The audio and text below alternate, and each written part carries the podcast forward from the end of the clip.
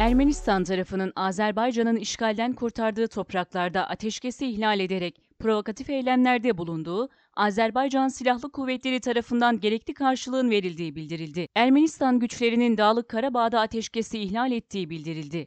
Azerbaycan Savunma Bakanlığı, Ermenistan tarafının Azerbaycan'ın işgalden kurtardığı topraklarda ateşkesi ihlal ederek provokatif eylemlerde bulunduğunu duyurdu. Açıklamada, Azerbaycan Silahlı Kuvvetleri tarafından gerekli karşılığın verildiği, şu anda ateşkese uyulduğu belirtildi. Azerbaycan ordusunun 27 Eylül'de başlattığı Dağlık Karabağ'daki topraklarını işgalden kurtarma operasyonunda elde ettiği başarı, Ermenistan'ı 10 Kasım'da ateşkes imzalamaya mecbur etmişti.